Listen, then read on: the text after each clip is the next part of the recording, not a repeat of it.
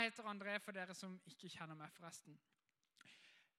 Når vi skulle tenke på hva vi skulle starte med å snakke om dette året, så var det i hvert fall for meg viktig å snakke om noe som er aktuelt for oss. Noe som opptar oss. Og rett og slett, i den situasjonen som vi er i nå, så må vi se litt ærlig og tenke hvordan er livet akkurat nå? Og for mange så opplever de at livet er vanskelig. Hvis det er ett sted vi skal være ærlige med hvordan livet er, så er det her i kirka. Fordi at her kan vi være ærlige. Fordi at Gud han vet hvordan vi har det. Han ser vår sak, og han har lyst til å møte oss i våre vanskeligheter, i våre problemer, i vårt liv. Så jeg skal starte i dag med å snakke om ensomhet. Om to fredager så kommer Maria Timenes hit, og da skal hun snakke om håp. Så til slutt så skal Eivind Tønnesen, som sitter der, eh, han skal snakke om eh, når jeg ikke føler meg bra nok. Så det tror jeg er en veldig viktig serie, og som jeg håper kan gjøre noe med oss, og som jeg håper kan gjøre at vi kan få noen nøkler, noen verktøy, til å få hjelp når livet er vanskelig. Så veldig mange kjenner at livet er krevende for tida. Det er strenge tiltak, eh, færre sosiale møteplasser, mye hjemmesitting, noen frykter for framtida, og mange kan kjenne på ensomhet. Det er gjort en undersøkelse, og én av tre studenter sa i den undersøkelsen at de kjente seg ensomme. Jeg tror egentlig at det tallet også gjelder sånn cirka når det kommer til ungdommer. Veldig mange kjenner på følelsen av jeg er ensom. Og ensomhet, det skal vi snakke om i dag. Men hva er egentlig ensomhet? Ens ensomhet er en følelse. Det er en følelse som kjennes som et slags savn. Vi savner emosjonell og nær kontakt med andre mennesker. Det er en skikkelig kjip følelse, men det er en helt normal følelse. Og så er det sånn at Vi kan være ensomme selv om vi har masse folk rundt oss. Fordi at det dypest sett handler om at jeg har en følelse at jeg ikke kan være nær, være ekte, være ærlig med de som er rundt meg. Og Da er det kanskje noen ganger litt vanskelig å se, for noen kan virke veldig populære. De kan virke som de har masse venner, det kan virke som det alltid er mye folk rundt dem. Men innerst inne så kjenner de seg ensomme. Og vi kjenner alle på ensomhet fra tid til annen, mens noen kjenner det litt mer enn andre. Alenetid det er veldig bra. Og Bibelen snakker om at det er bra å trekke seg alene og være sammen med Gud. Men ensomhet, det er ikke bra. Det er ikke godt for oss. For vi mennesker vi er skapt av Gud til å være sammen, til å ha relasjon med hverandre og med Gud. Så både den veien og den veien. Det står allerede helt, helt i starten i det Gud skaper mennesket. I første Mosebok 2,18 så står det det er ikke godt for mennesket å være alene. Det var derfor Gud, når han skapte Adam, så at mennesket Det er ikke godt å være alene, så han skapte Eva også.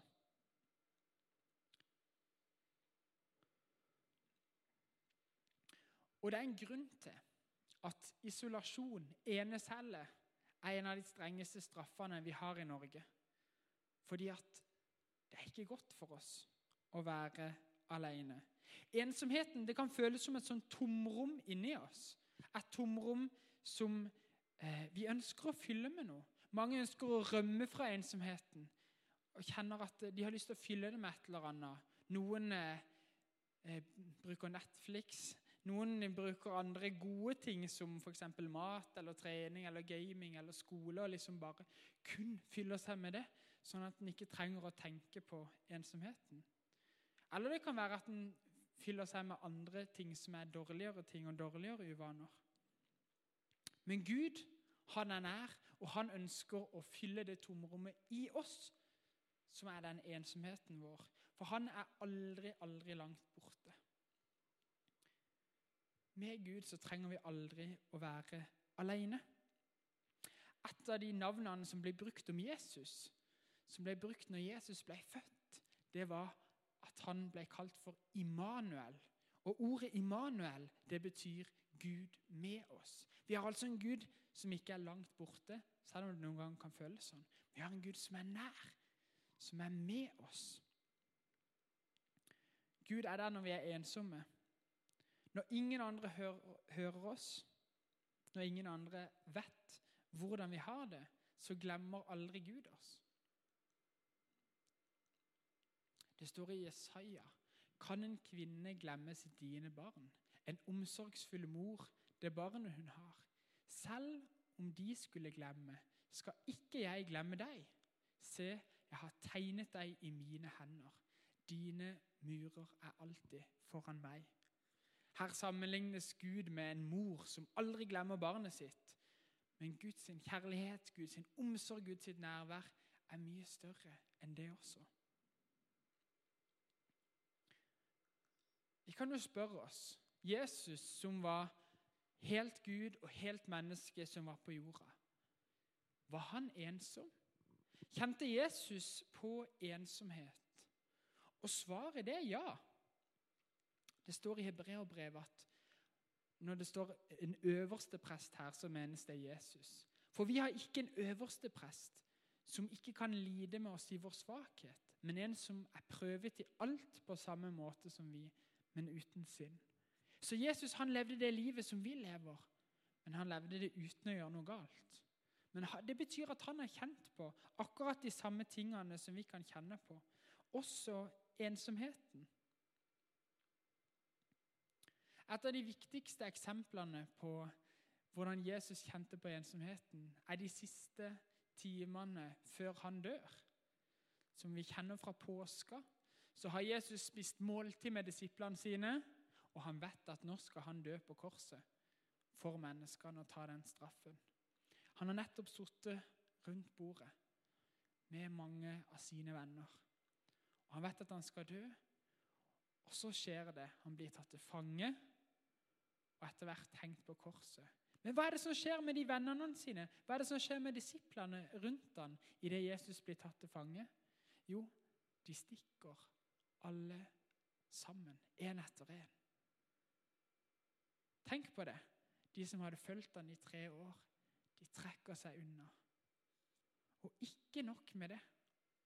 Når Jesus hang på det korset, så var det faktisk sånn at Gud måtte forlate Jesus.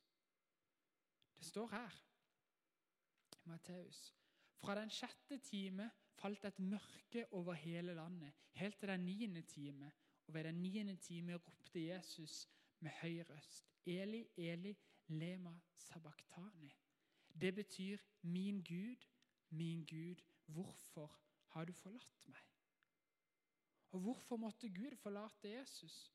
Jo, Gud måtte forlate Jesus fordi at han aldri skal måtte behøve å forlate oss.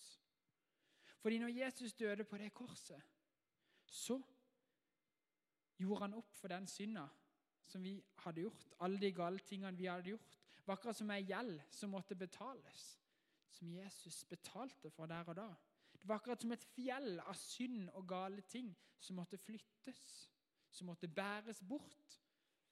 Og om Jesus så ble det sagt at han var Guds lam som bærer bort verdens synd. Så han ble forlatt av Gud for at vi aldri noensinne skulle trenge å bli forlatt av Gud.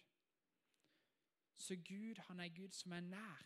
Gud, han er Gud som aldri vil forlate oss selv når vi føler at han er langt borte. Jeg er blitt ganske gammel nå. Eldgammel, vil noen av dere si. Så gammel at jeg begynte å se på Lindmo på fredagskveldene når ikke det er Connect.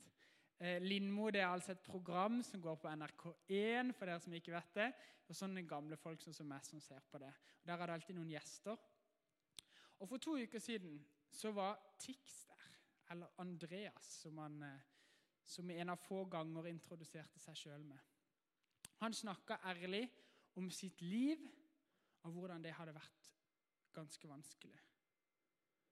Og I de nyeste sangene som han har gitt ut, så får vi høre litt av den smerten og den ensomheten og det savnet etter kontakt med andre mennesker som han har kjent på. Og jeg synes Det var veldig sterkt å høre, for når han sitter der, så sier han at han satt der alene i huset sitt, og han hadde tenkt å ta livet sitt, faktisk. Og så, midt oppi det, så kommer katten opp til han. Og så har han katten på fanget, og så har han en samtale med katten, og så ble det fint for han. Og det er jeg sikker på at det var. Men det jeg tror han egentlig kjente på, det er den lengselen som vi alle mennesker har inni oss. Lengselen etter noe større, lengselen etter noe mer, lengselen etter Gud.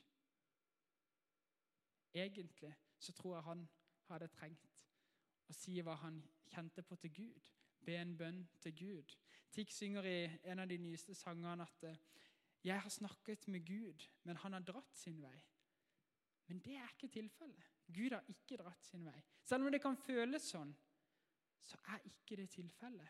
Gud, han er nær midt i vår ensomhet.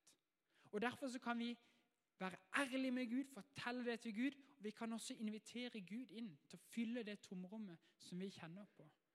For bare når han får lov å fylle det, så blir det godt igjen. Det betyr ikke at vi aldri kommer til å kjenne på ensomhet. For det kommer vi til.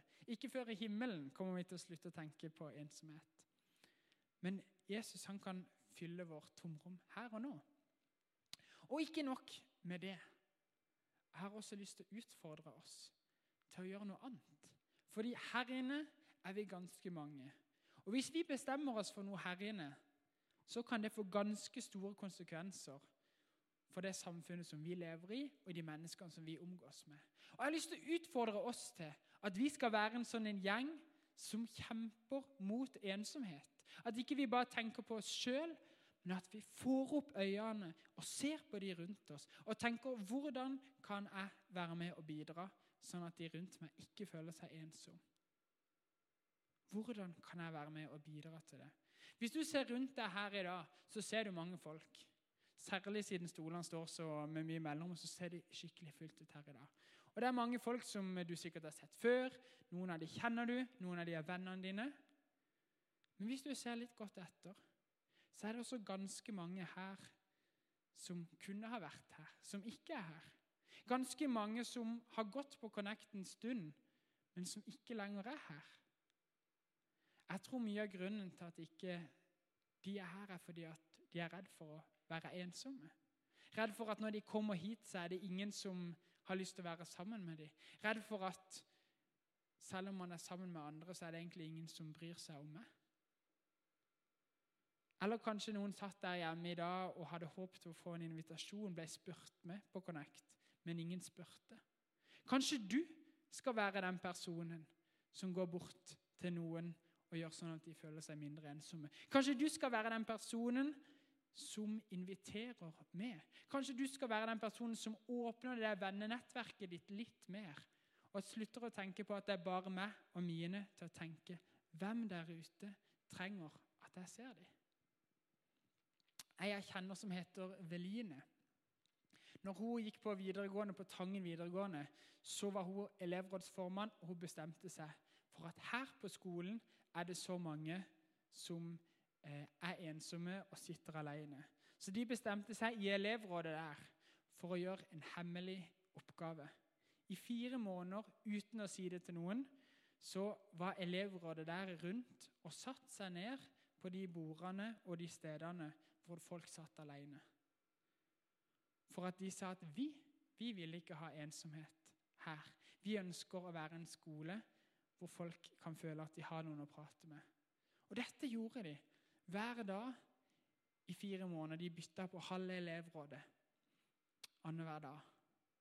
Og det det førte til, det var det at etter hvert som tida gikk, så var det færre og færre å finne som satt ensomme. Fordi at andre begynte å ta etter. Det begynte å bli en større kultur for det. Nå er dette noen år siden, så jeg vet ikke hvordan det er på Tangen nå. Men det hadde iallfall en betydning der, fordi noen bestemte seg. Vi ønsker å være en motkultur. Vi ønsker å kjempe mot ensomhet, og vi ønsker å bety noe for andre mennesker. Det håper jeg at vi òg har lyst til. Jeg håper at dere har lyst til å være med og bekjempe ensomhet rundt der vi bor, på vår skole i våre relasjoner. Jeg ber en bønn til slutt. Jesus, jeg takker deg for at du er med i vår ensomhet. Selv om vi kan kjenne på det, selv om det er vondt, så er du med. Jeg ber om at vi skal våge å være ærlige med deg og invitere deg inn i det som er vanskelig. Så ber jeg om at du skal hjelpe oss til å bekjempe ensomhet. Til å invitere, til å se, til å heie på, til å gå litt ut av komfortsona. Amen.